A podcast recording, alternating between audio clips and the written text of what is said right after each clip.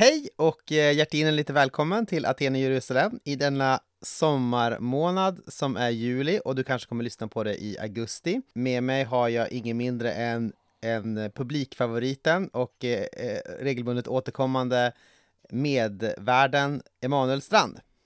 Tjo! Kul att vara här. ja, det är väldigt kul. Du har mm. flyttat till eh, Småland. Jag är smålänning nu. Jaså?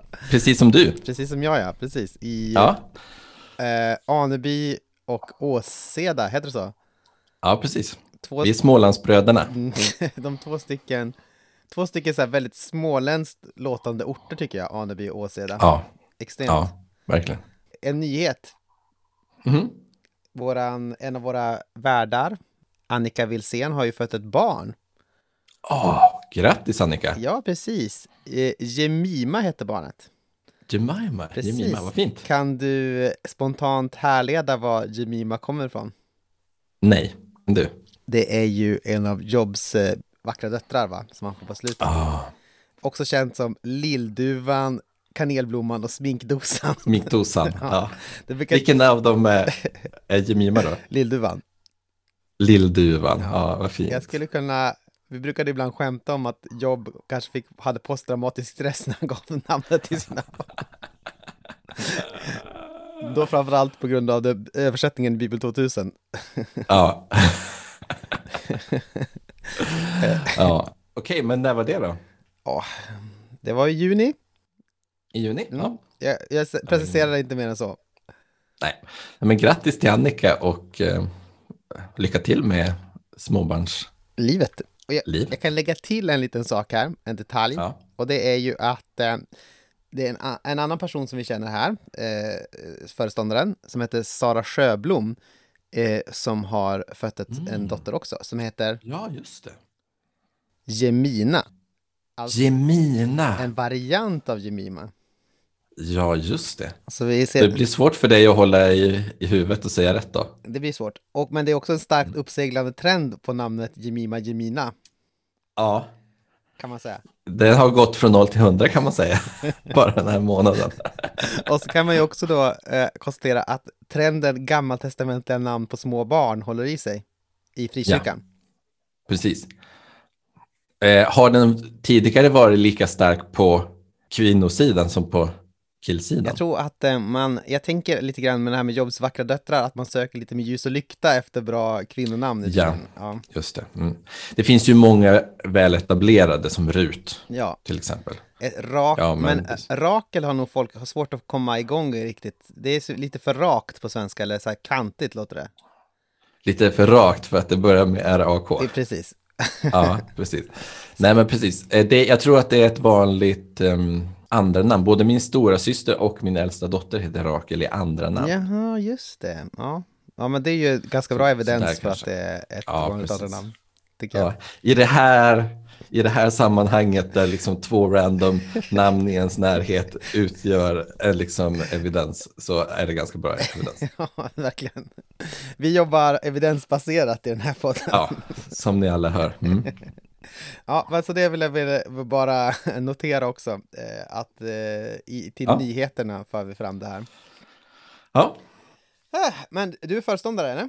Eh, ja, jag har inte tillträtt än, men ja, det stämmer. Men det känns ju bra att du ska bli det. Ja. Long time in the, in the making av den här pastorn kan man säga. Ja, jag har stretat väldigt mycket. Ja. stretat emot väldigt mycket. Ja. Men jag tänker att eh, det är väl bara att ge det en, ge det en chans. Mm, det tycker jag, ja, absolut. Ja. Så förresten, vi kanske ska säga vem det är vi har intervjun med. Ja. Vet du? Syster Karin. Ja. Som... På Alsike kloster. Det är sant. Mm. Helgeands systern, syster Karin, om ni undrar exakt vilken. Har de olika? Nej, de heter Helgeandssystrarna.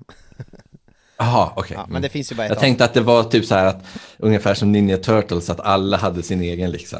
Det här är Helgeandsystern Karin, det här är, vad kan det mer vara, typ så här, nattvardssystern eller någonting. ja, det vore väldigt... Eukaristiesyster eh, Monica eller någonting. Det vore jättekul. Men så är det inte, tyvärr. Tillsammans blir de... Asike kloster. ja, precis. Tonårsmuterade Alsike kloster. Ja. Eh, Liten, liten ny notering här om eh, Alsike kloster är alltså ett kloster inom Svenska kyrkan och eh, sådär. Sen nämnde vi kanske ett begrepp som kanske inte alla har koll på, missionsprovinsen. Missionsprovinsen är typ ja, en ut... det har inte jag koll på. Ja, men missionsprovinsen är typ en ut... Eh, ja, det beror på lite grann hur man ser det. De ser det som, som typ en fri provins inom Svenska kyrkan. Eh, eh, Typ ett stift. Alltså de har sin egen biskop, Mm. de har vikt sin egen biskop i typ ja, någon sorts apostolisk succession och sådär. Man är ju mer konservativa än Svenska kyrkan i stort då, och är mera, ja, är mera liksom bekännelseskrifter och sådär. Och eh, Mm. man kan väl också, en av anledningarna till att man viger egna eh, biskopar är ju för att man är då kvinnoprästmotståndare och sådär. Att man Ja. håller sin egen liksom, linje då. Och de här eh, ses ju då inte med blida ögon från Svenska kyrkan, typ, utan det är kanske Nej. det sämsta, det sämsta man kan vara är missionsprovinsare, Ah, Okej, kan mm. man säga. det är patrasket i deras ögon. Ja, lite grann så. Mm. Eh, så det var, det är en liten, liten eh, förklaring om det. Har du någon mönster eller? Ja, månadens mönster. Jag tänkte att jag kanske skulle säga några ord om abort. Kan jag få ett eh, så här förfärat indrag av luft? Bra, tack. Mm.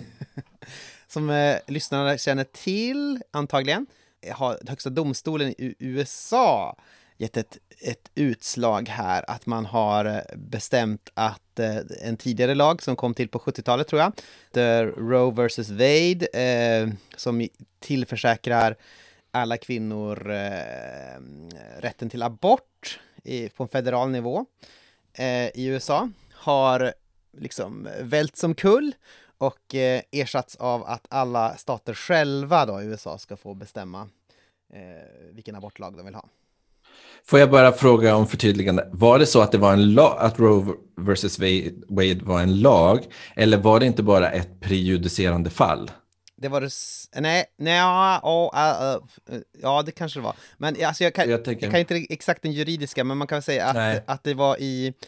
Eh, slutresultatet av det blev ju att alla, att man ansåg att konstitutionen, att amerikanska Ja. konstitutionen på något sätt s- säkrade att alla kvinnor hade rätt till abort. Ja, men precis. I det här äh, rättsliga fallet i Högsta domstolen, där det stod mot Roe och Wade, Ja. så bestämde Högsta domstolen att det är så här vi ska tolka.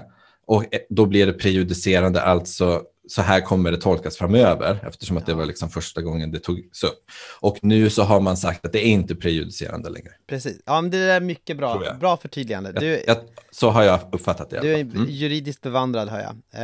Eh, det, det jag hade tänkt att prata om är kanske lite grann om eh, vilket samhälle som behöver massabort, eh, eller storskalig abort, typ. Mm. Där, ja precis, det är inte den, det inte, kommer inte vara vattentätt, men vi kör. Om man tänker sig hur det var innan det vi kan kalla moderniteten och sådär, eller det kommer på stor skala innan den här eh, den ordningen som vi har nu, där alla åker iväg till sitt jobb och jobbar eh, sju till fyra eh, någonstans i eh, kanske en mil till eh, eh, två kilometer från sitt hem, eller något sånt där, eller Mm. längre. Mm. Eh, Mm. Den ordningen är ju ganska ny egentligen. Ja. Utan tidigare kan man ju säga att det framför allt var så här att, att hemmet var ens arbetsplats. Och också platsen för ens äktenskap och för ens barnuppfostran och allting sånt där. Ja. Eh, I det samhället som vi hade där, då var det kanske så att man kan säga att alla bidrog till arbetet. För att man kanske skulle göra, vä- säg att man skulle eh, odla gurka. Och för att, den här odlan ska, för att den här gurkan ska odlas och man ska kunna liksom eh, både ge sig själv mat och eh, ge andra mat och eh, få lite pengar på det, så var det ju så att ja, men då behövde vissa sorters så uppgifter utföras. Men Ja. Man behövde liksom uppfostra nya gurkodlare. Eh, man behövde Ja. hålla dem undan från gurkorna så att de inte kom och plockade, så att inte små barn kom och plockade ner dem och, och kladdade med dem. Man behövde Mm. se till att eh, de fick vatten och man behövde se till att de gödslades och bla bla bla, bla ni vet, sådär.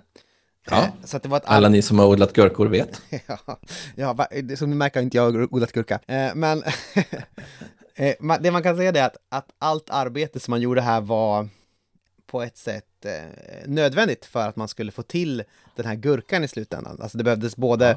det behövde både folk, i, i de flesta fall kvinnor som tog hand om barnen och sådär. Och det behövdes eh, mm. folk som eh, gödslade gurkorna. Och eh, i det här samhället så var det också väldigt tydligt att man hade väldigt, man hade könsindelade arbetsuppgifter. Så att eh, kanske kvinnorna gjorde den här delen av skördarbetet och eh, männen gjorde den här eh, delen av eh, förkultiveringsarbetet. Man hade liksom mm. uppdelat så efter kön typ. Men ja. grejen var att, att allt arbete tillsammans kan man säga bidrog till gurkekonomin. Slutprodukten, ja precis, slutprodukten gurka. Mm. Slutprodukten gurka. Alltså jag har typ tusen roliga stickspår i det här, men jag, jag lägger band på mig. Fortsätt. Ska, ska du, är det skämt om gurkor du hade tänkt? Diverse skämt om gurka, ja. Men fortsätt du, vi struntar i okay, Annars kommer vi aldrig vidare. Mm. Hur som helst, hur som helst.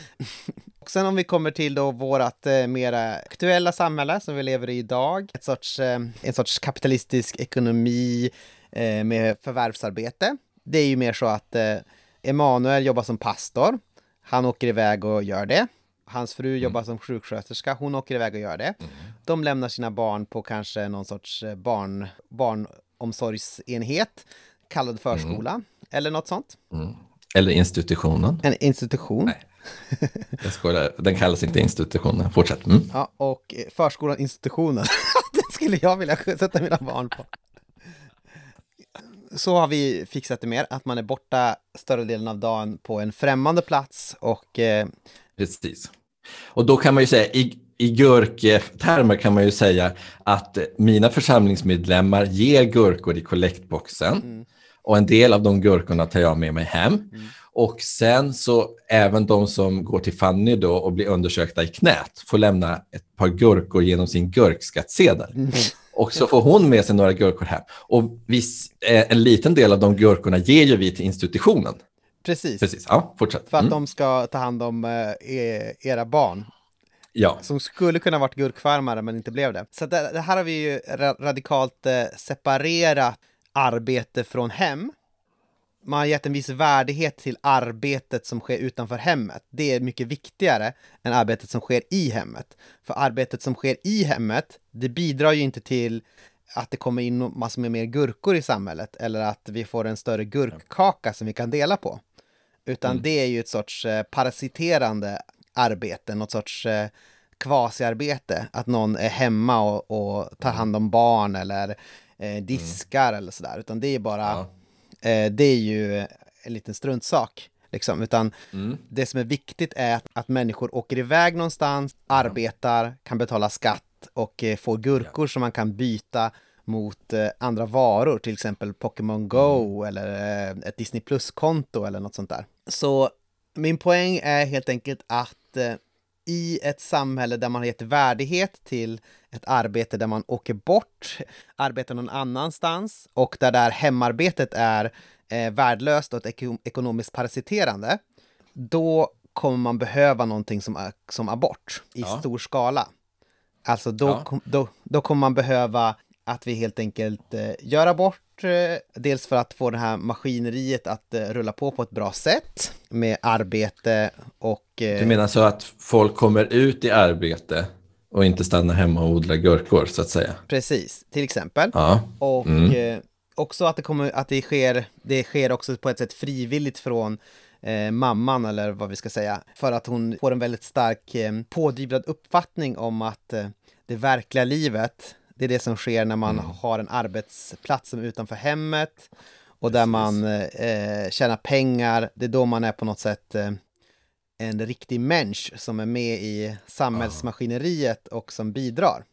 Och det är också där man får en sorts värde, en identitet, en professionell identitet som är viktigt att kunna presentera sig med. Att jag heter Henrietta och jag jobbar på som barista till exempel. Mm. Man, man, får en identitet, man får ett sammanhang, man får mm. ett värde, ett sorts samhälleligt erkännande som man inte får mm. av hemarbete som däremot som ses som mer som ett, ett um, slaveri eller dylikt eller som något sorts um, parasiterande ja, på samhället i stort. Ja. Och i ett sånt här samhälle så kommer vi behöva abort helt enkelt. Och eh, jag gjorde en liten googling på internet om USA. och det här är verkligen baserat på en väldigt snabb googling, så det här är ingenting som ni måste ta som någon sorts absolut sanning. Men det är ganska lätt att hitta liksom, exempel på att företag ger generösa bidrag när det kommer till abort. Nu känner jag att vi börjar närma oss själva kärnpunkten. Eh, Fortsätt, man ger ja. väldigt mycket generösa bidrag till abort, men man kanske inte ger, man ger väldigt, väldigt, det, det, det som kommer fram är att man bara ger, det är den här lag, absolut lagstiftade miniminivån som man ger när det Mm. kommer till, när det kommer till liksom föräldraledighet och sådär, utan då är det bara, men Ja, det, det är 12 mm. veckor, det är lagstiftat, du får ingenting mer. Men däremot när det kommer till abort, då kan man, ja, vi täcker hela kostnaden, det är lugnt. För att det är på något sätt eh, så, det är det på något sätt som ekonomin och eh, världen vi lever i kräver. Ja, men precis. Och det är många företag som går ut och liksom eh, visar sig som sociala hjältar i den här situationen. Mm. I den här situationen som inte nödvändigt betyder det här domslutet i sig, att det liksom inte är prejudicerande, behöver ju inte betyda någonting för de enskilda staterna. Nej. Det kanske kommer göra det de facto, men ja. Men det är ju många företag som liksom går ut och säger, men vi kommer i alla fall säkra till exempel transport till en annan delstat där det är lagligt och sådär och att vi täcker kostnaderna. Eh, och det är ju många som slår sig själva på bröstet i sånt och tittar liksom eh, vad vi respekterar kvinnors reproduktiva hälsa. Men det du far efter lite är ju då att det kanske ligger i alltså de här stora företagen som företrädare för det här eh, systemet. Det decentraliserade GURK-systemet, eller vad man ska säga, eh, har, har ju vinning i det där. Precis, de gör det inte av Ja. altruistiska skäl utan för Nej, att... Eh, ja, därför att det, det är det som eh, man anser sig behöva göra, liksom. Att betala kvinnors abort.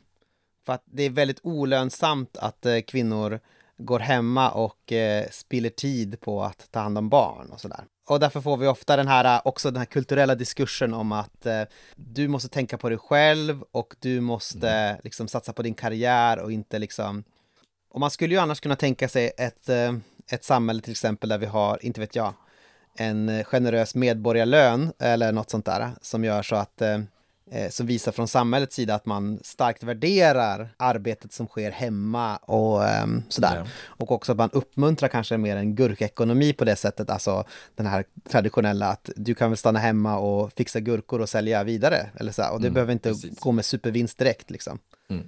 Ja, om man är så mån om människors frihet, då skulle det ju kunna vara frihet utanför liksom arbetsekorrhjulboxen till exempel.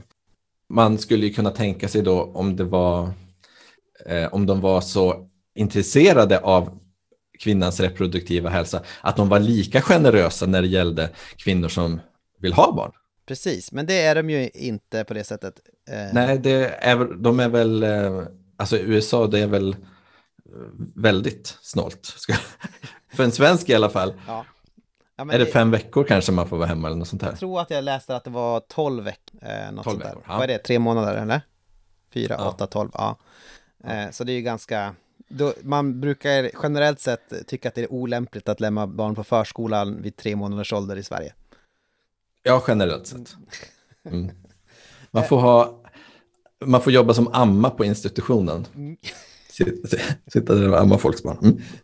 Så det här är bara ett litet sätt att säga att eh, just det här samtalet om abort, aborträtt, är betingat väldigt starkt av ett samhälle tror jag, som eh, Ja. skapar värde på ett visst sätt. Och att jag kan verkligen hålla, jag kan förstå att om man i det här samhället som vi har nu och inte gör några förändringar på det och sen inför en hård abortlag, att det, att det är väldigt negativt för kvinnor. Eh, utan det man skulle behöva göra är på något sätt väldigt grundläggande förändringar om hur vi skapar, hur vi skapar värde, hur vi, vad vi värderar också, vad vi ger andligt erkännande och så, eh, för att det ska kunna vara en hållbart eh, för kvinnor av olika sätt, på olika sätt. Så jag säger bara, det vill säga det att ja, jag tror att det är väldigt betingat av sammanhanget vi lever i. Så, Ja. Att det finns, att det är på ett sätt som, som man säger då att att det här är inte, handlar inte om kärlek för barn ibland, utan det kan bli ett sätt att kontrollera kvinnor på, eller liksom underordna, sig, underordna kvinnor. Det kan ligga någonting i det, tänker jag. Och samtidigt så tycker jag att, eh, att argumenten som framförs när man man försöker föra etiska diskussionen också. Att, att man säger att det är ett potentiellt liv eller inte ett riktigt liv i jämförelse med en, en, en, en människa som är utanför livmodern och sådär. Att det är också en ganska obehaglig retorik, för det påminner lite grann om hur vi har pratat om till exempel svarta förut, att man förnekar dem eh, tillträde till full mänsklighet eller så här, säga att de är tre, tre fjärdedels människa eller sju tolv, tolftedelar människa eller utesluter dem från kategorin vara eller att finnas liksom. Så att det var bara några eh, sidonoteringar om det här med och att jag på det här sättet också vill garantera att jag inte kan bli vald till en politisk position i Sverige. Ja, ja men jag vill också anmäla mig frivilligt till att inte bli vald till en politisk eh, position. Så alla vänner som är kvar, eh, vi eh, bjuder er, syster Karin, direkt från Alsike kloster där jag och min stackars familj hade vägarna förbi på vår resa upp till mina föräldrar. Det var väldigt trevligt att de kunde släppa in oss där och eh, vi fick prata en stund. Ja, här är hon.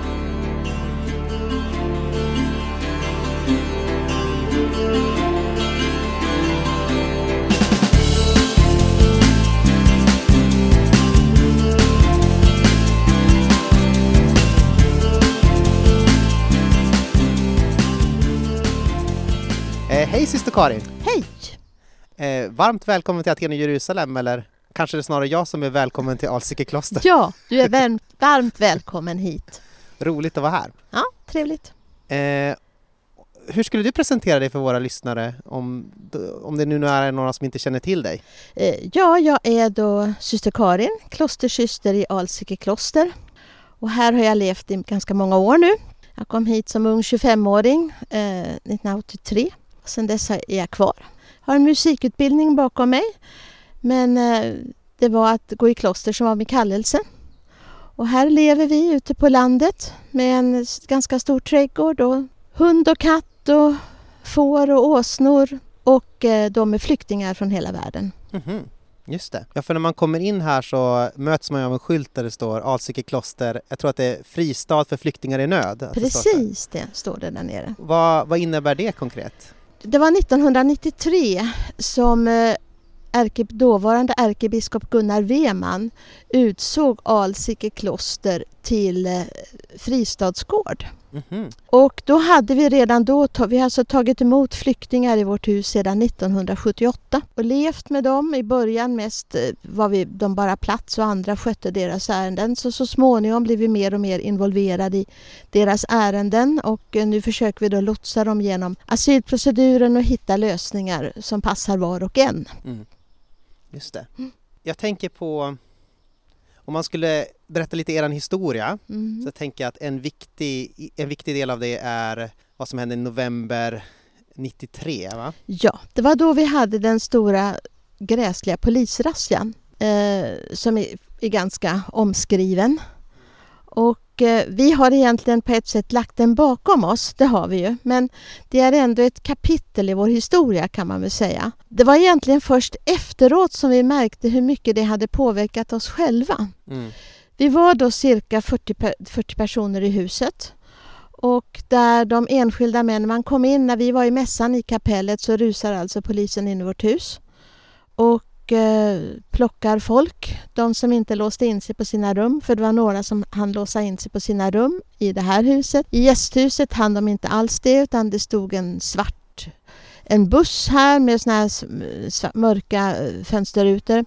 Vi, vi har det egentligen, som jag sa, vi har lämnat det bakom oss. Men eh, det var egentligen först efteråt som vi egentligen förstod hur mycket det också påverkade oss själva. För de kom då när vi var i mässan, eh, så kom de in, rusade in här och eh, en, en, de i gästhuset tog poliserna genast. De som var i vårt hus eh, sprang upp och låste in sig på sina rum och var rädda. Och det var ju familjer med barn. Och sen blev det här en väldigt lång och utdragen historia. De höll på precis hela dagen kan man säga. Och de ensamma männen de tog så småningom, de, man slog sönder alltså dörrarna på övervåningen och plockade både barnfamiljer och eh, ensamma. De ensamma männen skickades tillbaka ganska snart. Barnfamiljerna eh, fick så småningom komma tillbaka till oss. De fick välja om de ville komma till ett hus med många lek, mycket leksaker och många tv-kanaler. Eller om de ville komma tillbaka till oss. Mm. Och det genomskådade ju barnen så barnen ville komma till oss. Smarta! ja. Och sen hamnade vi i ett sånt här konstigt limbo. Mm. Eh, som var liksom en låst position. Samtidigt var det väldigt unikt för det gjorde att vi, plötsligt kunde man göra de här barnen, som vi jobbar ju jätte, jättemycket med flyktingbarn. De här barnen som inte fick synas, de blev plötsligt möjliga att, de, att man kunde visa dem. De fick ett ansikte. Plötsligt fick de ett ansikte.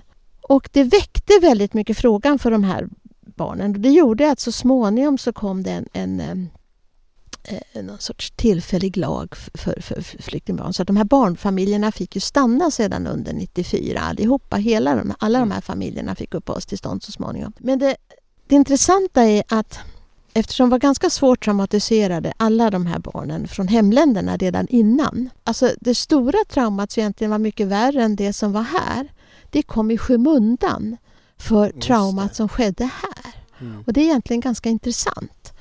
Att, för här var en plats de var trygga. Mm. Barnen kände sig trygga här. Och våra terapeuter, vi jobbar ju alltid med, med barnpsykologer och, och så. Och de hade börjat kunna bearbeta barnen här för de kände sig trygga här. Och när man mitt i trygg, den tryggheten slås sönder, att det blir en retraumatisering. Mm. Det kan göra att det andra traumat blir värre än det första. Just det. Mm. Och det är någonting som jag tror att vi glömmer bort i hela den här situationen. Framförallt hur vi agerar när vi med tvång ska skicka ut framförallt familjer med barn. Att vi kan åstadkomma en större skada än vad de redan hade. Det är som att man bakar in det gamla traumat i det nya ja, då kan man så säga. Blir, så att vi hade en läkare som tio år efter det här gjorde, eh, undersökte dem och, och kollade upp hur det var. Och då var, då var det så att det stora traumat för de här barnen var inte hemlandet utan det var här. Mm. Mm. Det är ganska intressant faktiskt. Ja, det är faktiskt mm. väldigt eh, Ja, det tänker man ju inte på kanske. Nej, mm. och jag tror inte. Och likadant var det intressant för oss att se hur lätt uh, man tappar behärskningen. Det här mm. var ju uh, alltså poliser som betedde sig som man inte trodde att de skulle göra. Mm. det var faktiskt så. Och uh, efteråt så ett år efteråt så kom faktiskt ärkebiskop Gunnar Weman och återinvigde huset. Mm. För att vi kände att den här fristaden och kloster hade också blivit liksom skändat. skändat ja. Precis det. Och det tog väldigt mycket på oss. Så efter, ett år efteråt så kom vår trötthet. Mm. Då kom vår trötthet. Eh, det syns lite grann. UR gjorde en eh, dokumentärserie som hette Vi gömde oss. Och tre, det var fem program och tre av de programmen är härifrån. Mm. Om de här familjerna runt polisrazzian sådana historier som man har hört om eh, polisrazzior, att de är ofta alltså överraskande brutala och ofta väldigt så här, äh, att de kanske gör det mitt i natten eller något ja. sånt där när, är, när man är försvarslös eller ja, så. Precis det. Och ofta kommer de till, till flyktingförläggningar väldigt tidigt på morgnarna till mm. exempel.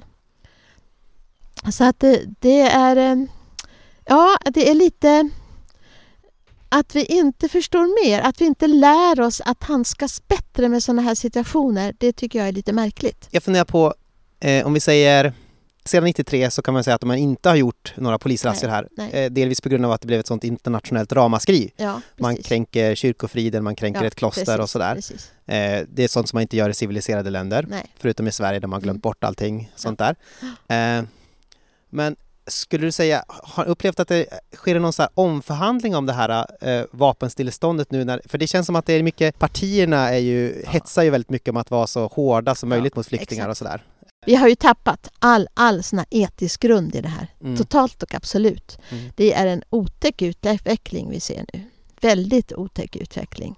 Och eh, jag har haft kontakt med en del politiker och det är skrämmande.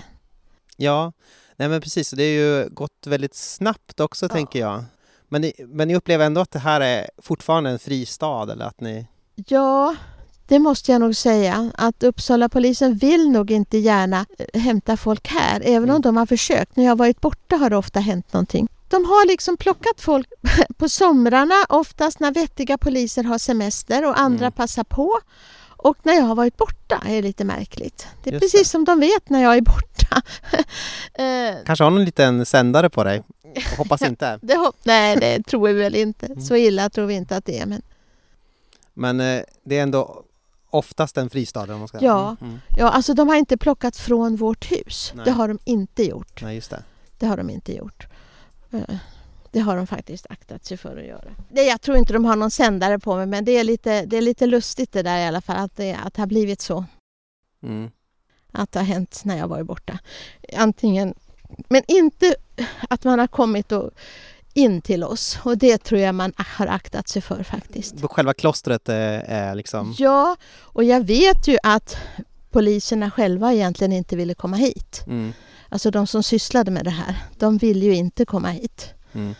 Utan det var ju order högre uppifrån. Så att, eh, Jag tänker på din egen kallelse. Alltså hur, upp, hur, hur fick du motta den? Och liksom ingick det här med att arbeta med flyktingar i det eller? nej, nej, nej.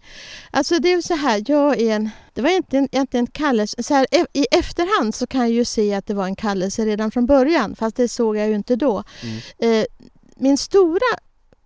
Oh, vad ska jag säga? Det stora i mitt liv var inte när jag gick i kloster. Det stora i mitt liv var när jag blev bekännande kristen. Mm. Och det skedde egentligen när jag gick på gymnasiet. Då blev det väldigt viktigt. Alltså man skulle vara kristen på riktigt. Det skulle synas i mitt sätt att vara mot mina medmänniskor. Och jag brukar säga att jag blev totalt knockad av Jesu kärlek. Mm. Jag upptäckte att Jesu kärlek var så ofantligt stor.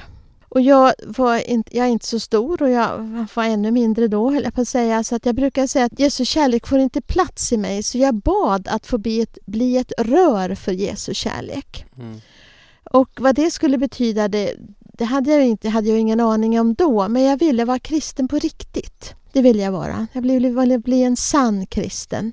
Jag jobbade lite jobbade med mig själv och ville liksom, ja, så. Sen hade jag definitivt ingen tanke på att gå i kloster. Jag lärde känna systrarna när jag gick på gymnasiet. Mm. Men jag hade ju definitivt ingen tanke på att flytta hit. Var kom du ifrån? Var du från Uppsala eller från? Nej, jag kommer från, är från Södertälje. Just det. Mm. Så jag är Strängnässtiftare och eh, eh, då hade, det finns fortfarande kvar, men då hade de, Stjärnholm var då en stiftsgård som hade ett enormt ungdomsarbete. Och det var via musiken som jag kom in i kyrkan och via musiken jag kom dit.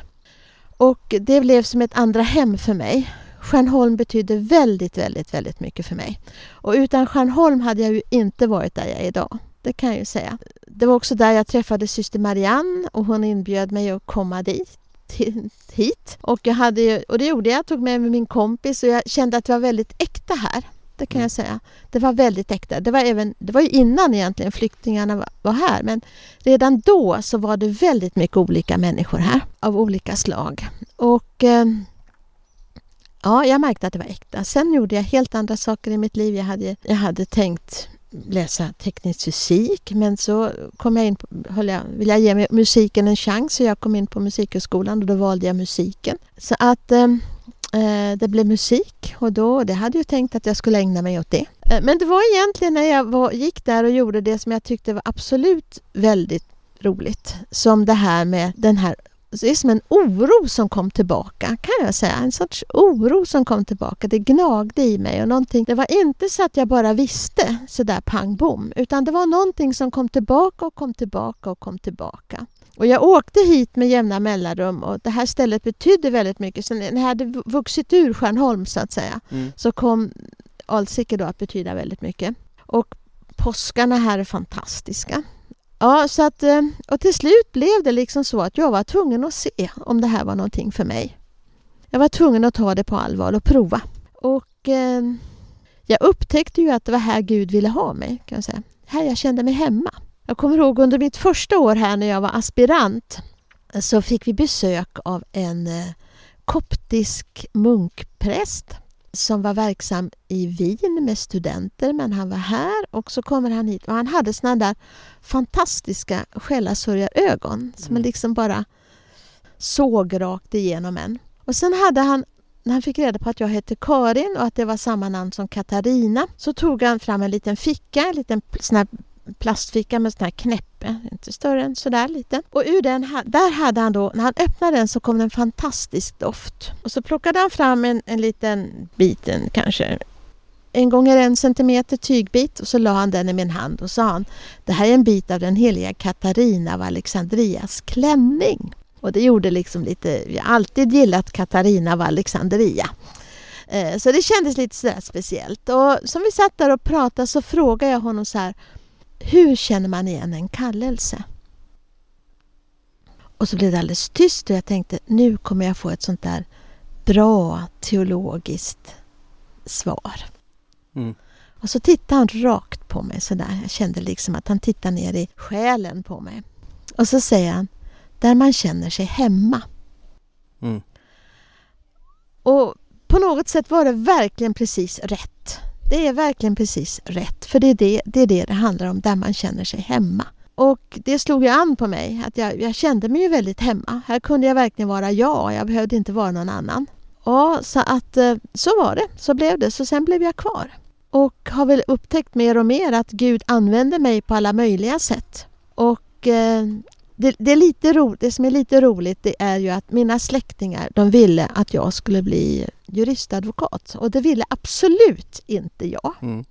Och det är ju lite roligt för det är det någonting som jag har lärt mig sedan jag kom hit så är det ju juridik. Mm. Och det värsta är att jag tycker att det är roligt. Och jag har lite fallenhet för det.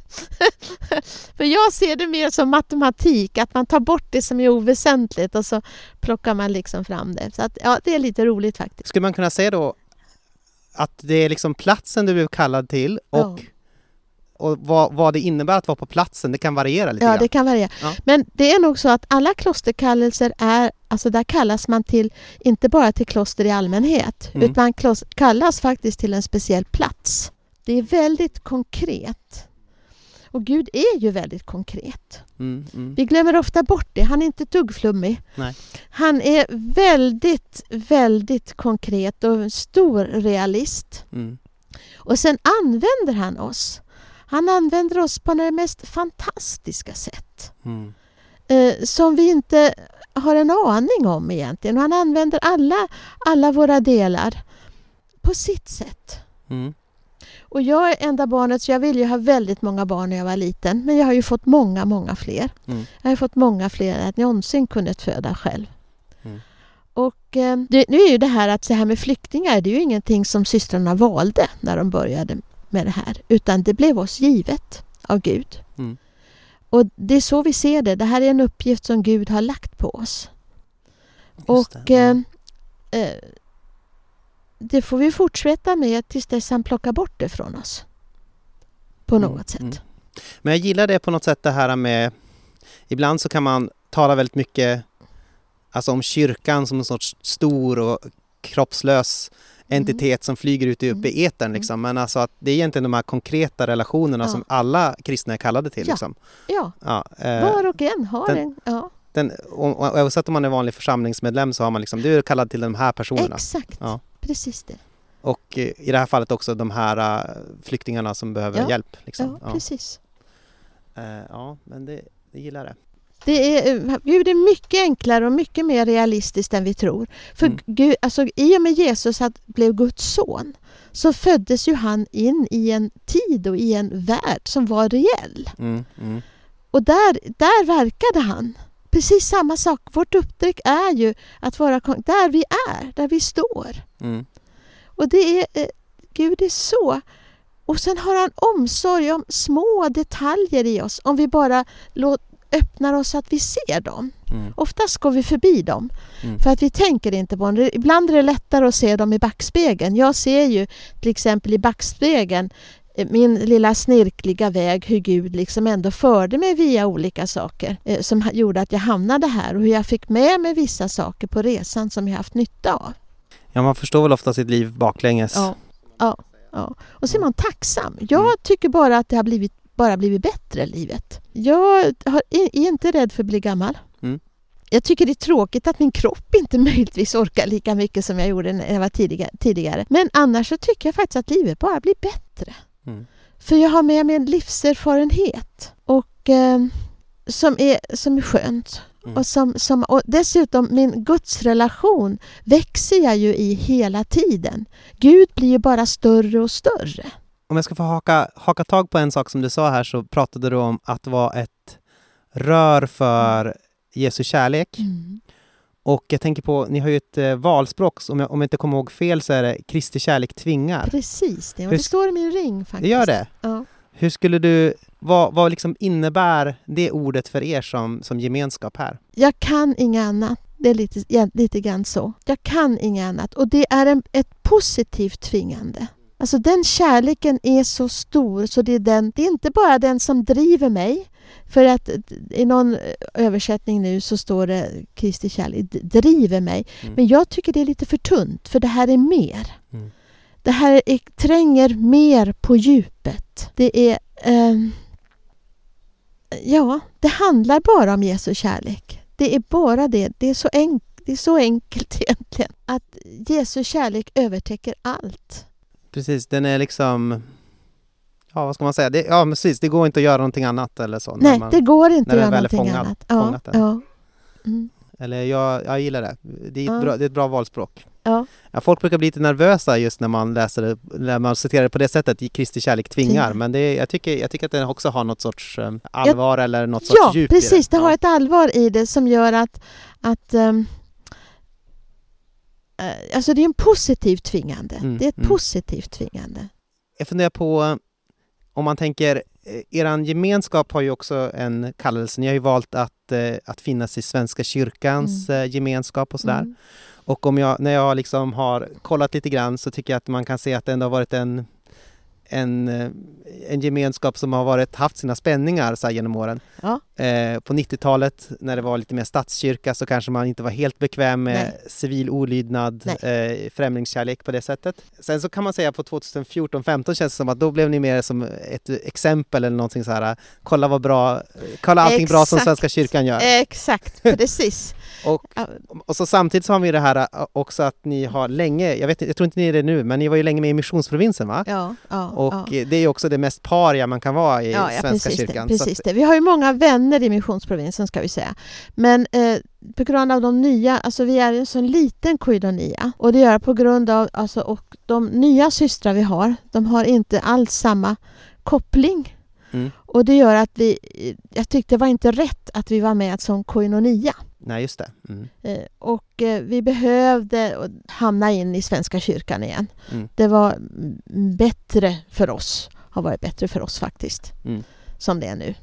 Så det upplevs som att det är, nu är det en, en, en hög, eller liksom en, en bra tid i relationen, eller man ska säga. Ja, faktiskt, det är det ju. Mm. Det, är, det är på ett sätt bra. Men vi har alltid varit lite besvärliga, för vi Ja. är lite för mycket av allting. Just det. Vi är lite för radikala Mm. på alla möjliga olika punkter. Och det är lite besvärligt, men det är, så ska också klostren vara. De ska alltså vara lite besvärliga för sina kyrkor. Mm.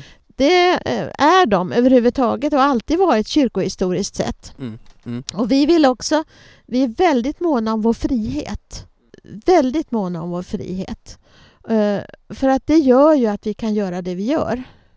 Mm. Jag menar 93 fick vi i alla fall hjälp kan vi säga av Svenska kyrkan. Det fick vi. Men 81, vi hade ju en liten razzia redan 81.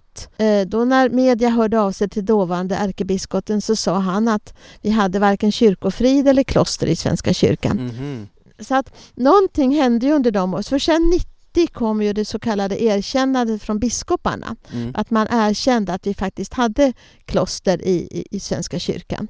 Och eh, sen är, har ju som sagt vad jag säger, alla kloster är ju lite de är lite mycket, för mycket ofta för sina, för, för sina kyrkor. För Svenska kyrkan ska man vara ganska lagom. Mm. Och vi är inte lagom. Ja. Så att det gör, men, men det är egentligen rätt. Det ska vi egentligen vara. Vi ska vara en utmaning för Svenska kyrkan också. Mm. Det är meningen att vi ska vara för de kyrkor vi står i. Vi ska vara utmanande. Mm, mm. Det är lite grann klostrens uppgift. Inte bara, det är väldigt många som vill att klostren ska bara vara snälla och inte säga för mycket och så ska man kunna få dit och ha lite andligt sköna stunder och det ska vara väldigt oförargligt. Mm. Men, men det är egentligen inte klostrens uppgift. Visst, naturligtvis att vara platser där, man, där man kan komma och också hämta men de ska också vara lite, lite utmanande och lite utropstecken. Mm. Lite taggiga. Ja, lite taggiga ska Ja, vara. det tycker jag.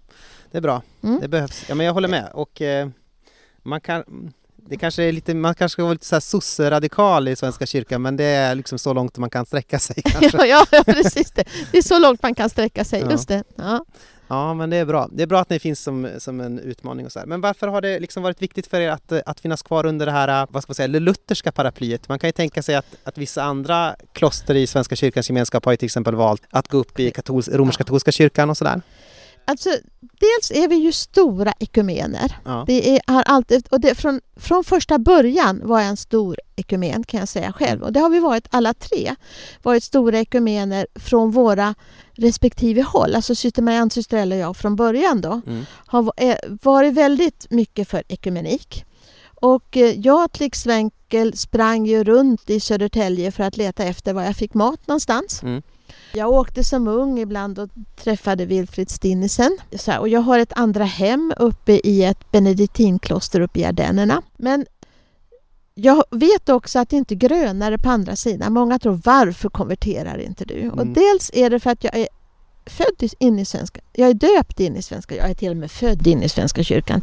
Men jag är döpt in i Svenska kyrkan. Jag är konfirmerad i Svenska kyrkan. Det är här Gud på något sätt har placerat mig. Mm, mm. Och det var också här i, den, här i Svenska kyrkan, i den här vår tradition, som jag, jag fick kallelsen. Sen ser jag mig som min största... Det, främsta är ju att jag är en del av den världsvida kyrkan. Det är Mm. det viktigaste för mig, att en del av den stora världsvida kyrkan. Och sen har jag också sett att det inte är grönare på andra sidan. Mm. Det är inte bättre och jag vet ju hur många, hur de eh, kämpar med sina biskopar på andra, i andra kyrkor också. I, och eh, i den romerska kyrkan hur de kä- kämpar med alla möjliga små bitar och kvinnorna har det jättejobbigt. Så, nej, så det är faktiskt ingen frestelse för mig. Nej, nej. Det har aldrig varit en ta- och jag, utan jag vet att Gud har placerat mig här. Mm. Det är liksom en visshet om att, och det, det tror jag både, säger mycket både om syster Marianne också, hon från första början. Hon var helt medveten om att det var i Svenska kyrkan hon hade sin kallelse. Hon, fi- hon fick ju sin kallelse 44 som 19-åring och då var det ju långt innan det överhuvudtaget det fanns några tankar på, på kloster i Svenska kyrkan. Mm. Eh, Men att hon ändå visste. Så att det, det tror jag har varit, för, för oss tre har det varit väldigt eh, med, medvetet. Sen har ju jag alltid drömt om däremot att det skulle att kunna vara en ekumenisk kommunitet. Just det. Och då menar jag verklig ekumenik. Och då menar jag att man ska kunna kommunicera över alla gränser. Mm. Det, det, vi är lite grann på väg dit med tanke på den eh, att vi nu har en, en novis som har en pingstbakgrund och så har vi syster Rose som kommer från en väldigt, kommer från Kenya, från Mm. en kyrka där. Så på ett sätt, för att det ser ut på ett annat sätt än jag hade tänkt mig, men det är också typiskt Gud. Mm, mm, mm. Det är också väldigt typiskt Gud att vi måste, om vi har våra visioner så måste vi låta Gud få jobba med dem och så blir de på hans sätt och inte på mitt sätt. Ja, det är bra. Man kunde ju tänka där kanske runt eh, 2014 att det här kanske inte kommer finnas kvar det här klostret för alltid. Nej. Nej precis. Men eh, det, har, det. har ändå öppnats upp att det finns en, eh, en, en framtid, Ja, man ska säga. ja. Eh, Spännande. Hur, berätta hur det, hur, har- hur har det liksom kommit ja, till? alltså det, det, det började med att jag, vi fick en vision på lite olika sätt, syster Marianne och jag. Mm. Att vi skulle bygga ut. Eh, och eh, så vi skulle skaffa mer land. Mm. Och jag såg mig själv gräva, jag drömde och såg mig själv gräva på ett helt annat ställe än vi hade våra, vårt trädgårdsland då. Mm. Eh, och så småningom, och, och eh, sen blev jag inbjuden. Vi fick besök av en eh, kenyansk biskop och jag blev, han inbjöd mig sen så småningom att komma till, till Ke- eller Han inbjöd mig då när han kom hit att du måste komma till Kenya, sa han. Och jag, det fanns ju inte på kartan att jag skulle åka till Kenya så det stoppade ju ner någon liten, ja ja, sådär. När han sa kom, du måste komma. No, ja, ja, tack så mycket ja, för inbjudan. Sen gick det några år och så var det en person som ringde som hade varit missionär där nere. Så var det en annan missionär som skulle åka ut och se till de missionärer som var där ute och sa och nu har biskop och bar vill absolut att du kommer med. Jaha, tänkte jag. Och, eh, så att jag åkte dit och åkte runt, hamnade med en pastor och fick åka runt i, hela, i, i Kenya i olika delar. Jag har aldrig bott på hot, europeiskt hotell i Kenya, jag har inte varit på safari i Kenya, men jag har varit på jag har bott på afrikanska hotell och jag har bott hemma hos folk. Det är det jag har gjort. Och jag upptäckte att det fanns mycket kvinnor i Kenya som inte ville gå in i ett traditionellt afrikanskt äktenskap och som ville känna Gud. Men det är väldigt svårt i Kenya att leva ensam och ogift. Mm. Det är inte så enkelt. Och eh, så åkte jag, eh, så kom jag iväg eh, igen med en, en, av våra, en av våra församlingspräster. Och då var jag bara i, ja, i Nairobi, Nairobi med omnejd. Och då, kommer en, då träffade jag lite kvinnor. Jag pratade om den här tanken då. Och då var det en kvinna som sa till mig så här, I'm the one who's going to come. Mhm. Och då sa jag så här, men du kan fundera lite grann, kanske det vore bra om ni var två som kom tillsammans. Och så gick det lite tid och sen åkte jag tillbaka igen och då skrev hon till mig att nu har jag hittat en som vill komma. Så åkte vi ner och så hälsade vi på henne och lite andra folk som vi kände och så åkte vi hem till dem i byarna, den här kvinnan och den andra kvinnan. Och sen den här andra kvinnan, det var syster Rose Mhm. som nu är här. Mm. och sen blev det så att det hände lite saker så att den första kvinnan jag träffade hon kom inte. Men syster Rose är här och avlade alltså sina första löften nu i, på 6 juni. Mm. Så avlade hon sina första ja, systralöften. Vad häftigt. Ja, det är lite spännande faktiskt. Det är lite roligt. Och sen har vi, så i samband med det så småningom så dök, dök Elisabeth upp och hon kommer från, har pingstbakgrund och kommer från Österfärnebo. Mhm. Sverige, svensk. Så att nu är vi plötsligt, var det en av våra vänner som sa, nu är ni ju en ung kommunitet. Ja, men nu Ja. måste man ju säga. ja, ja, Framtiden framför er. ja, Mm. ja, så det är lite roligt faktiskt. Ja, men spännande hur Gud kan Ja. leda och öppna upp Ja. vägar. Och på sätt som vi inte tänker oss. Så jag tror faktiskt att det finns några till som skulle kunna tänkas komma här Ja. småningom. Det hoppas vi. Mm, Fler. mm, hoppas vi. Ja. ja, det är ett fantastiskt liv att leva. Mm. Det är ett helt underbart liv att leva. Eh, för Gud utmanar en och eh, Gud eh, visar på märkliga sätt hur man ska gå. Men det är fantastiskt och man får göra så mycket mer än om jag hade planerat mitt liv själv. Mm. Så jag har ju fått göra mycket, mycket mer. Livet har blivit mycket, mycket mer spännande Mm. än om jag hade inte kommit hit och blivit musiker någonstans och jobbat lite som musiklärare och varit lite musiker. Och det här är mycket mer spännande. Det är som eh, med PC, va? Och PC och, och Mac. Att, Ja. eh, att eh, vad ska man ha massor med frihet till om den inte fungerar? Precis det. Vi brukar säga så här, kallelsen, eh, eh, klosterlivet, klosterkallelsen, det är en kallelse till total frihet. Mm. Men det kostar dig allt. Mm. För det är också friheten från dig själv alltså. Mm. Mm, precis. Den svåraste friheten. Ja. Mm. Du nämnde ju det här med att ni eh, skulle ha mer land eh, och så, Ja, att eh, ja. ni fick den visionen eh, framför er. Alsike klosterby. Ja, Eh, precis. vad, vad är det för någonting? Ja, det är den här lilla visionen. Att vi har tänkt oss att det skulle vara... Vi skulle vilja knyta ihop säcken lite grann med hur det hela startade när systrarna började in i Uppsala. Eller ja, Mm. när de kom till Uppsala så var ju halva huset kloster och resten hyrdes ut till studenter. Mm. Och det gör att vi skulle vilja ha... Eh, nu har vi fått lite land, mera land som är vårt. Studenter som kanske läser på, på SLU och kanske vill ha häst eller någon djur i närheten, kunna bo på landet. Men det är ju snabbt att ta sig in till, till Uppsala härifrån. Det går ju på, till Ultuna går det ju på en kvart. Eh, men också för familjer som skulle vilja bo i en sån här miljö. Just det. Där, så vi skapade en stödförening runt den här Alsike klosterby. Så den finns där fortfarande som en vision. Vi har gjort vissa saker. Vi har rustat upp det här huset också som har behövts göra på utsidan. Vi ska rusta på insidan också. Vi har också skaffat oss en, en ny ekologisk eh, avloppsanläggning för det Mm. huset. Det ska bli för det här huset så småningom. Men vi höll på att samla in pengar till det här då. Och så skulle vi vilja bygga de här.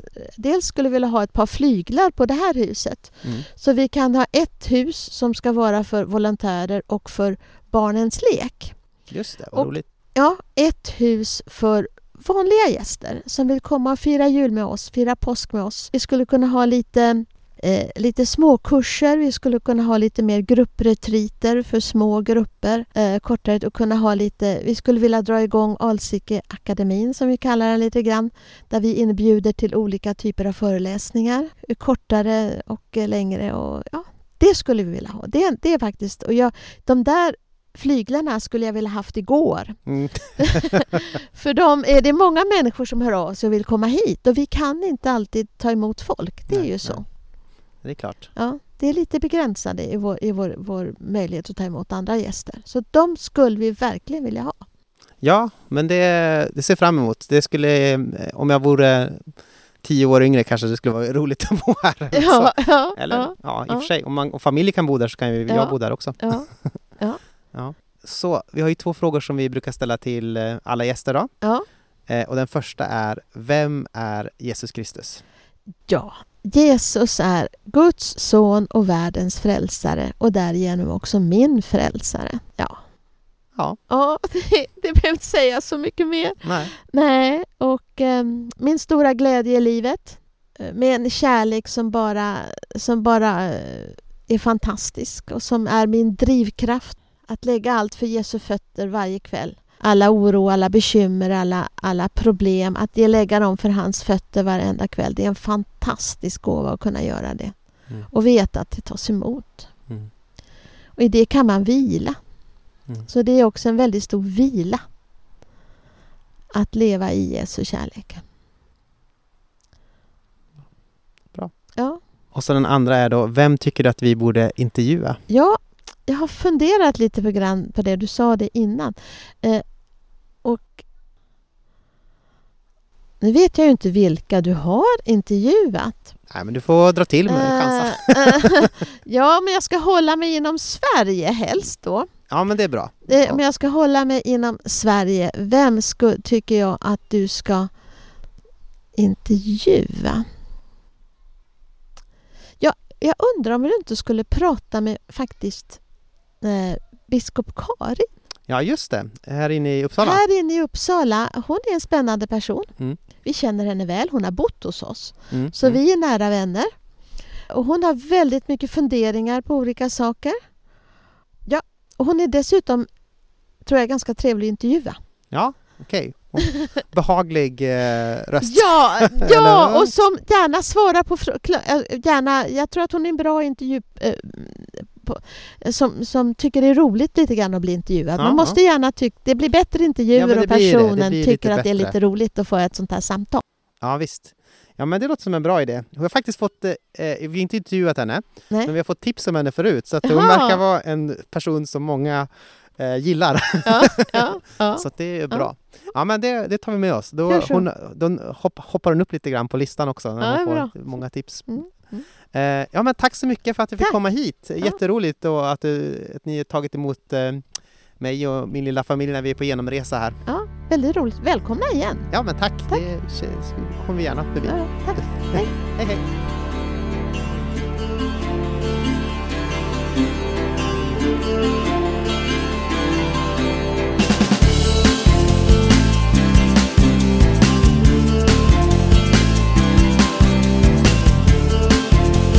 och välkomna tillbaka. Eh, Ett mycket intressant samtal skulle jag vilja säga. Jag hade god behållning av det. Jag påstår också samma sak, att eh, Ja. ni borde också ha haft god behållning av det, kära lyssnare. Min första sån här ehm, spontana tanke när jag lyssnade på det, det var, du vet det finns ett uttryck som är så här, game recognizes game. Okej, jag kan inte känna till uttrycket, för du är lite mer, du Nej, är lite mer men det är så med här- än vad jag är. om, på, på gatan så att säga, om det är någon som har någonting, om man har game, så kan man liksom känna igen någon annan som har game. Och jag skulle vilja översätta det i det här fallet till någon slags så här faith recognizes faith. Och med det vill jag säga att eh, på pappret så är det ju eh, inte så många likheter kanske mellan mig själv och syster Karin. Vi är lite olika generationer, hon är en kvinna i mogen ålder antar jag. Du frågar, Hon är i inte, men, 60 plus årsåldern, ja. Mm. Precis. Och eh, jag är en ung man och hon kommer ju från Svenska kyrkan då. Mm. Eh, och jag kommer liksom mer från pingsttradition och det påpekade hon många gånger att det var väldigt exotiskt med någon från pingstbakgrund. Ja. Det var ju, här är en kvinna från Kenya och här är det en som har pingstbakgrund. Så nu är vi väldigt diverse. Tyckte hon ju. Ja.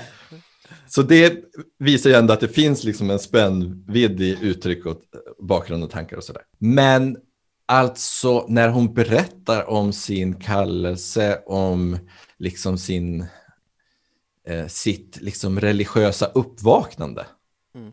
så liksom känner man ändå igen sig väldigt mycket. Alltså på ett sätt som överstiger det vanliga liksom olika samfund och religiösa sammanhang har ju liksom sin språkdräkt lite grann. Mm. Liksom sina inneord och liksom hur man uttrycker, hur man talar om Gud. Men alltså den här upplevelsen tror jag många i, eller liksom kristna över hela världen skulle liksom kunna känna igen sig i. Mm. Och jag tyckte att det var en fascinerande upplevelse att bara liksom hur, hur Gud bara nappar tag i någon. Mm. Och eh, ja, fastän det handlade helt och hållet om henne så fick det mig att börja reflektera över min vandring på, på olika sätt. Hade du en liknande eh, upplevelse det här med att man ville ta kanske gymnasieåldern ett uppvaknande att man ville ta sin tro på Ja. större allvar, att det ska betyda någonting? Ja, ja, och eh, under gymnasieåldern kanske jag var mer så att jag hakade på andra. Jag tror att det var efter gymnasiet eh, som det där kom riktigt starkt för mig. Mm. Att, eh, att det skulle vara på riktigt, att det skulle betyda någonting. Och att det var liksom en slags, också det här med Kristi kärlek tvingar och sådär. Mm. Att det handlar inte om, man liksom, att Gud har klorna i en Mm. och det är bara att gilla läget på något sätt. Mm. Eh, och sen vet man inte riktigt vart livet för en, men man vet, det blir liksom konstanten i ens liv. Ehm, så det blev liksom tillfälle för reflektion för mig personligen och det tyckte jag var intressant att, ehm, att liksom trons språk är så universellt på, på sätt och vis. Jo men absolut, jag håller med. Det finns eh, mycket man, eller det finns en del man kan känna igen med i just eh, resan som ungvuxen, att eh, vilja ta sin, sin tro på allvar, att låta det betyda någonting på riktigt. Så tror jag Mm. att jag också har någon så här sorts religiös gen, så att jag Mm. har nog varit ganska så här allvarligt sinnad när det kommer till min tro från ganska tidig ålder. Ja, Eh, ja, men det kanske jag också har på sätt och vis. ja. Mm. Att jag kan inte, det är svårt att komma ihåg någon sån här tid när man har varit fullkomligt likgiltig inför, eller bara eh, inför det här Ja. med Gud och sådär. Nej men precis. In, nej precis. Och så, så var det säkert för henne med, skulle jag kunna tänka mig. Att det är liksom, att det är det som, för det är nästan en frustration hon, hon beskriver. Att liksom så här, men varför, vi kan ju inte bara, eller jag kan inte bara hålla på och lalla runt. Nej. Det liksom måste, det måste betyda någonting. Eh, Det måste liksom få fördjupas. Mm. Det måste få ta konkreta uttryck. Det måste finnas en sorts eh, st- ständig rörelse på det i det, inte bara, ett, eh, Ja, precis. inte bara en kärn som står stilla utan en eh, flod som väller fram, Precis. kanske man kan säga. Ja, precis. Och det tangerar ju det som hon säger med att vara ett rör. Ja, precis. Mm. Hon säger det, det är en väldigt fin bild. Hon säger att hon upplevde sig så liten så hon, om hon bara fick ta emot massa Guds kärlek så blev det fullt väldigt snabbt. Mm. Det måste få rinna ut Mm. till andra. Vet du vad jag har reflekterat över? Nej? Jag tänkte på det när hon pratade om, om klostren som en eh, radikal, eller lite så här störande miljö, eller vad man säger, i en kyrka. Jag tycker jag var Mm. väldigt intressant och bra sagt. Ja. Och jag håller med att så borde det vara. Eh, Mm. Och så reflekterar jag lite grann över mitt eget sammanhang, eh, frikyrkan i Sverige idag, evangeliska frikyrkan mer specifikt. Mm. Mm. Att eh, här funderar jag på om det är möjligtvis är så att vi har svårt för radikalare grupper i församlingen. Mm. Mm. Och jag tänker att det kanske har någonting att göra med att eh, grundinställningen om man ska bli medlem i en församling är att man har en personlig tro på Gud, att man är på något sätt överlåten mm. och sådär. Att man kommer in i en gemenskap där alla är på något sätt överlåtna och sådär. Ja, precis. Och då blir det också då blir det lite hotfullt. Dels om man släpper in folk som är eh, har en lägre etisk standard eller vad man ska säga eller har eh, mm. Problem på olika sätt eller kanske lever på ett sätt som församlingen inte tycker gemen mm. tycker är världens bästa. Eh, mm. För då implicerar det på något sätt att det här är okej okay för alla, att alla ja. borde kunna göra så här typ. Mm, och samtidigt om man har en grupp som har väldigt mycket högre, eller som har en högre ribba eller vad man ska säga för sitt kristna tro, att man kanske, mm. säger att man är vegan eller något sånt där. Då blir folk också lite nervösa för det implicerar att här är vi en gemenskap där alla är, eller alla är överlåtna, har någon sorts personlig tro.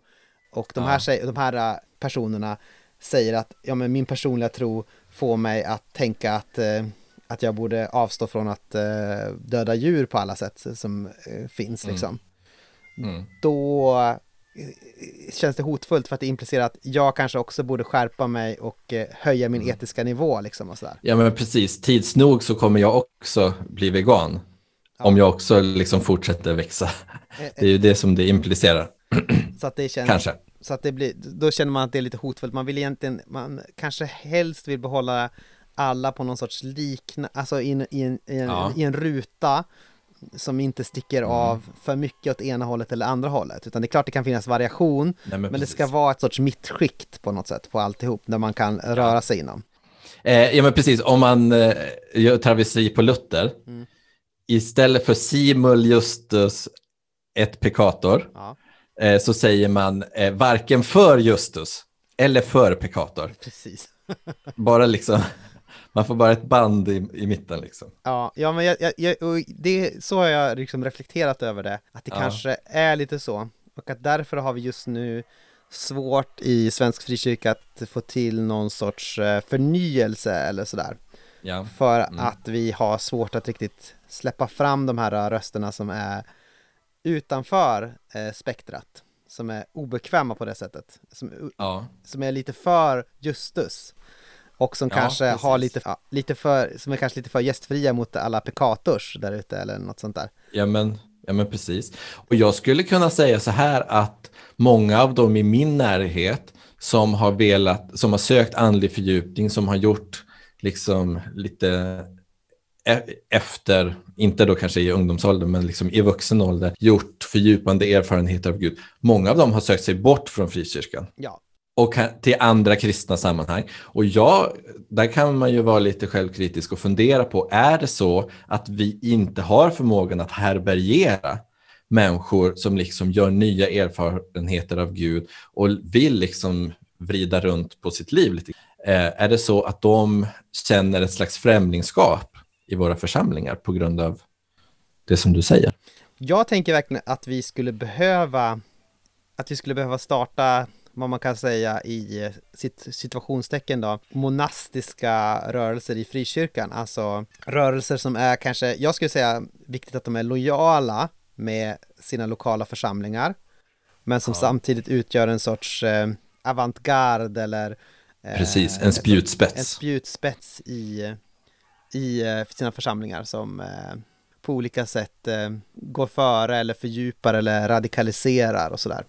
Och så sen så kanske inte liksom exakt alla kommer leva som den här spjutspetsen och det kanske inte, ja, det är kanske inte det viktigaste att alla gör det, men att, eh, att det finns där och att det erbjuder en sorts ja. fördjupning. Så här. Till exempel ja. laborerat i mitt huvud har jag skrivit en ordning för någonting som heter baptistiska arbetarkommuniteten och sånt där. Så att oh. jag vet, som eh, utgår lite grann från, från de här tankarna, eller liksom så här, att kunna vara en förnyelserörelse, en fördjupningsrörelse i ja. Svensk.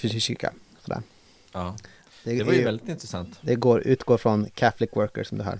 Ja, ja men precis. Jag tänkte att det lät, äh, lät som det. Men, äh, nej, men jätteintressant, för jag, det, så har det verkligen varit historiskt, att det är alla förnyelser mm. inom kristna sammanhang har ju liksom ofta kommit från de här platserna där liksom överlåtna människor har kunnat, jag vet inte, fördjupa sig Mm. Och så, ofta kloster då förstås. Så jag, jag håller med dig. Och eh, det skulle vara intressant att läsa den där. Jag kan skicka den till dig. Ba Baptist Worker-ordningen. Eh, det är svårt bara att... Eh, det enda som är svårt är att föreställa sig vilka det är som skulle gå med i, i My Local Expression av eh, baptistiska ja, precis. Ja, mm. Svårt att göra en... Gör man en allmän inbjudan på kyrkkaffet? Vill du ta din tro lite mer på allvar? eh, häng på mig! Nej, men jag tror alltså det finns ett, ett teologiskt dilemma lite grann här som vi läste lite om under studierna och det är ju det här um, en teologi om resten. Mm. Alltså den här um, bevarade resten. Uh, finns det ett begrepp om i Gamla Testamentet. Yeah. Holy remnant, ja. Yes. Precis, att det är vissa som ännu inte har avfallit, det är vissa som inte har böjt knä för Baal. Mm. Och hur illa ställt det än blir med Guds folk, hur liksom mycket kärnan än krymper, så finns det alltid någon och det, man skulle kunna liksom tänka sig att den liksom centreras i Jesus till slut. Till slut blir det bara en mm, mm. Eh, kvar.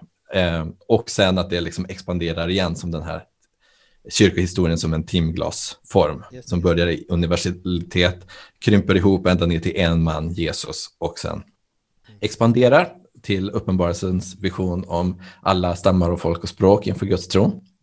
Eh, men jag tänker att i frikyrkans framväxt så tänkte man ju att vi som grupp, alltså jag tänker att de första frikyrkoförsamlingarna var ju de inom den lokala svenska kyrkan som hade just den här längtan. Mm. Alltså man, var, man liksom började ju som en rest. Alltså i Svenska kyrkan tyckte man kanske då att här är det så dåligt, dålig form på allting och det är ingen som tar tron på allvar och sådär. Och så tar man ut alla de som, som verkligen brinner för sin tro och sådär. Och så har man en liten egen mm. eh, sido liksom, gemenskap och den växer och sådär. Men att liksom när tiden går så blir det som att man, man är en stor grupp i sig själv. Och det finns de som är lite mer, alltså, jag vet inte, som, som drar ett, ett tyngre lass. Ehm, det finns de som är liksom mer intresserade av att be hela dagarna till exempel. Eller som aldrig kan få nog med bibelstudier eller liksom som verkligen när man hittar på något utåtriktat projekt alltid bara, ja, jag kan gå, jag vill gå, jag vill göra någonting. Men jag tror att det är så som du säger, att, eller jag tänker typ så här att en frikyrkoförsamling kanske inte är the holy remnant i sig själv längre.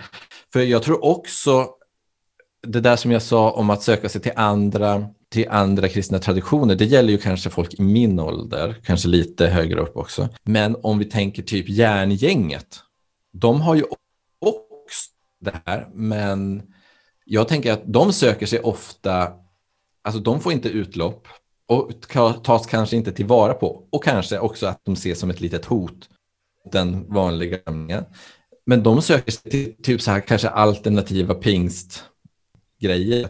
Så här lite högerkantspingstmiljöer. Och där finns det också... Om jag skulle... och whatever. Ja, och där skulle jag också vilja påstå att där finns det också um, där finns ju också den väldigt starkt den här, um, det stora avfallstanken ofta. Alltså att uh, ja, stora precis. majoriteten av kyrkorna de har avfallet och församlingarna, det är bara skit. Här sitter vi ja. och är trogna liksom. Ja. Så där spelas ju den dynamiken upp väldigt precis. mycket. Och det är en sorts dispensionalistisk idé, alltså att en sista tiden-tanke om att de flesta kommer avfalla och det kommer vara några få trogna mm. kvar liksom. Eh, så det är ju sant. Eh, ja men precis, så det är ju liksom kan man, kan man se det här som ett legitimt behov och kanske ta hand om de resurser, jag vet inte. Som du säger, jag tror att det finns väldigt mycket man försöker ju vara radikal utifrån de resurserna man har. Jag känner till exempel en person som ja. vill ta sin tro på större allvar och hamnar i någon sån här väldigt eh, har kommit i, hamnat i konstiga sammanhang bara utifrån den här längtan att ja, men det, kan inte, mm. det kan inte vara nog med det här utan det måste finnas, vi måste ta min stor tro på större allvar, det måste få betyda mer för mig. Ja. Och då hamnar man i någon så här, inte vet jag, någon konstig grupp mm. som heter Yeshua eller något sånt där. Eh, så. Och hur ska, man, ja, men hur ska vi kunna kanalisera det här på ett mera församlingstroget sätt, alltså något sorts sätt som är till välsignelse för den stora eller den större församlingen? Liksom. Precis. Um, ja.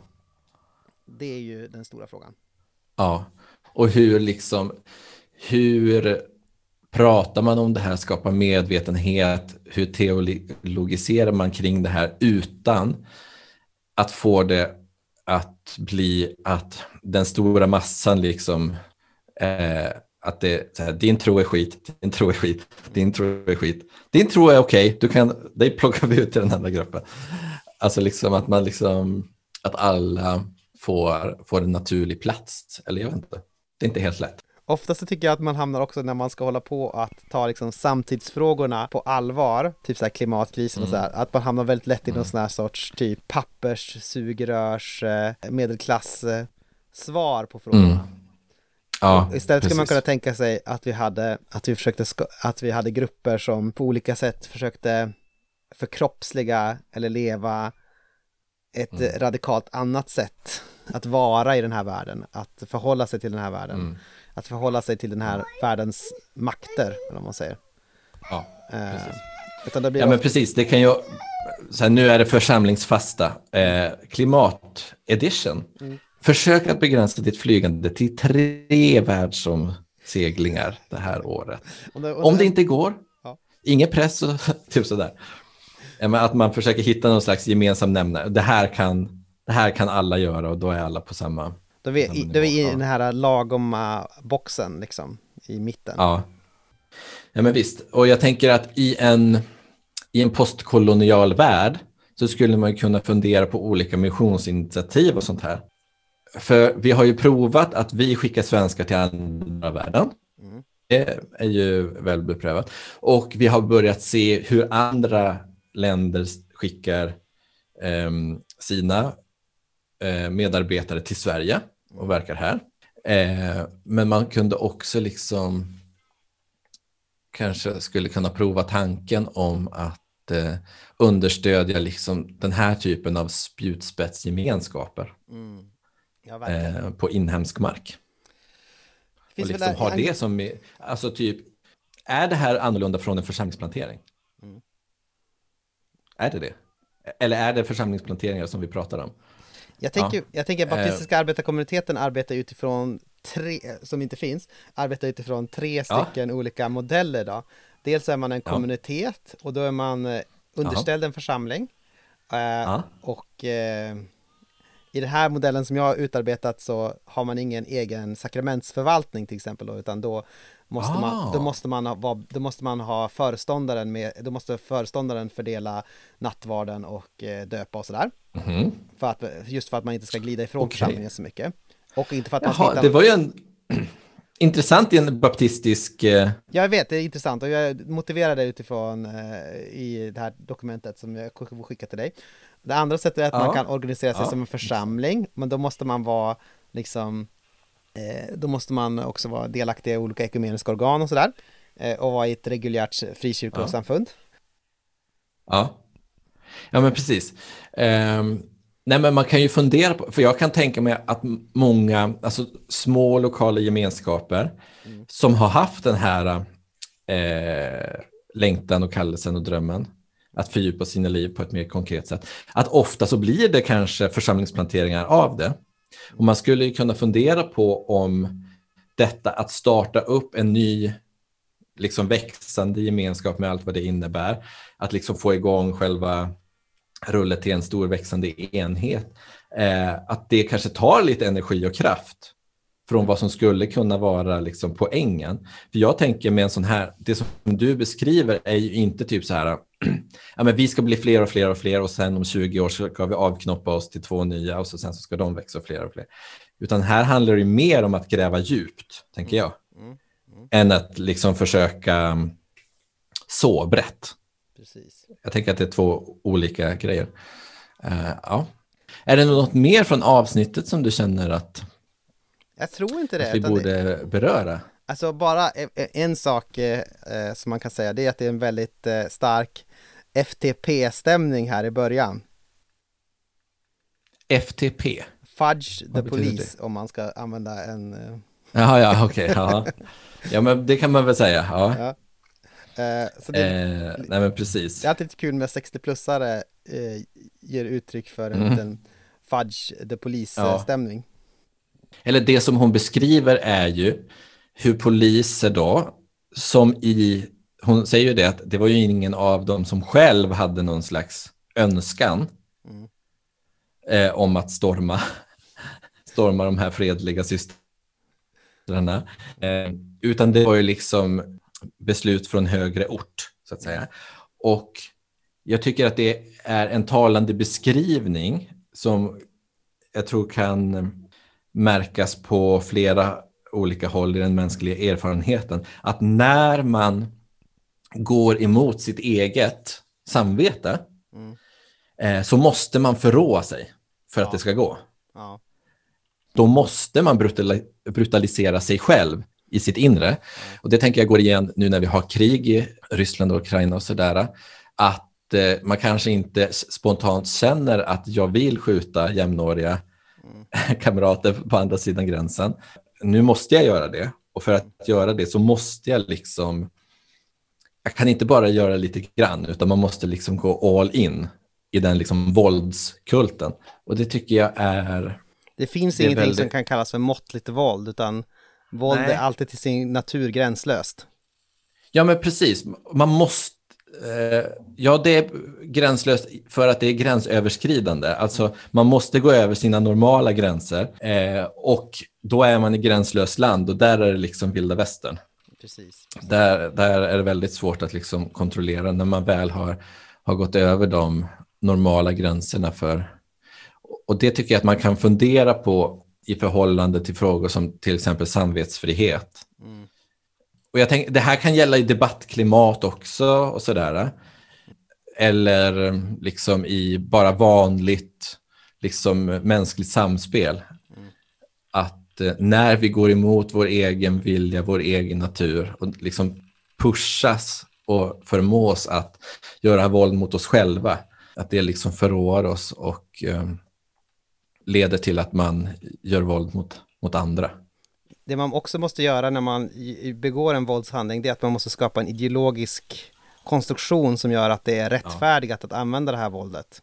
Och när man just har skapat en ideologisk konstruktion för att rättfärdiga våldet så tenderar våldet att bli mer brutalt för att då är det ju, Ja. då är det rätt på något sätt, det våldet Ja, man utför. Ja, precis. Det är inte bara nödvändigt utan det är liksom önskvärt. Så tänker jag också att till exempel att om man då är polis och ska gå in där på ett kloster då, då måste man på något sätt övertala sig själv att det här jag gör är rätt och eh, Ja. allt motstånd är ont. Man kan bara tänka sig hur de sitter och hypar upp sig själv i, liksom, i bussen. piketbussen på väg, på väg dit. Liksom. Nu kör vi, nu bara nitar vi de där nunnorna! Uh! Typ så. Nu är det rock'n'roll grabbar! Ja. ja, men Nu precis. ska jag, för verkligen, det- nu ska, jag känner verkligen få slå en försvarslös kvinna. Ja, men precis. För jag tänker att det, det blir sån liksom kognitiv dissonans som man bara så här, alltså de här kvinnorna, vilket fantastiskt arbete de gör för sina medmänniskor. Man kan liksom inte sitta så och sen bara storma, storma skiten ur det. Ja, precis. Det börjar, eh, det börjar bli en lång inspelning. Ja, lycka till med klippandet får jag väl lov att säga. Det blir, det blir inte kul för dig. Jag avundas dig inte, men jag tror att du eh, säkert får ut något bra Jag kan eh, säkert lägga en del på extra material och sådär. Jag har ni det för Patreons eller? Ja, för Patreons har vi det. Så man kan ju bli. Patreon till exempel. Berätta. Om man eh, går in på patreon.com slash Jerusalem så kan man bli en Patreon. Då får man del i eh, ett liten rännil av extra material. Mm. Förhärda dig inte som eh, farao utan hör idag frälsningens ord och bli kallad ut till frihet i Kristus. Amen. Amen. Och eh, gilla oss på Facebook och följ oss på Twitter. Det är bra. Ja, Ha det fint, hej. hej hej!